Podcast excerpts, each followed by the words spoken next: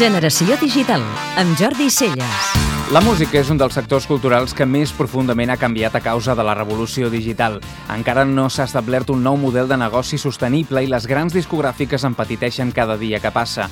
Iniciatives com Vivo són intents de les antigues majors de la música per buscar noves fórmules dins de l'entorn digital de cara a mantenir el seu statu quo.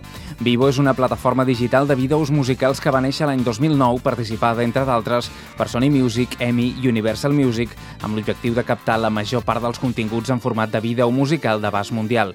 Actualment, el web conté més de 50.000 vídeos musicals, però és només accessible des d'un nombre restringit de països, Estats Units, Canadà, Regne Unit, Irlanda i Nova Zelanda, a causa de la complexa gestió dels drets musicals.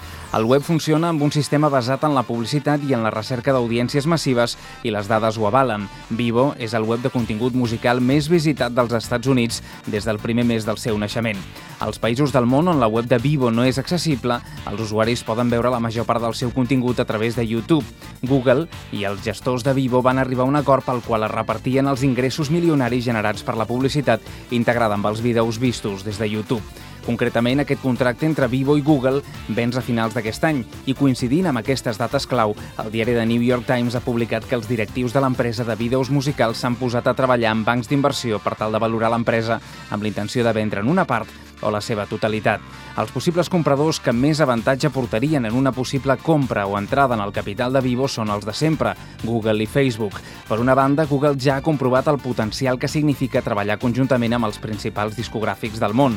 Per altra banda, Facebook és conscient que necessita continguts cada vegada més interessants i exclusius per consolidar els seus usuaris i el temps d'ús a la xarxa. Una altra vegada, els antics poders fàctics de les empreses culturals tornen a tenir la clau per decidir una de les moltes batalles dels nous gegants digitals. Podeu escoltar Generació Digital cada dissabte de 4 a 6 de la tarda a Catalunya Ràdio.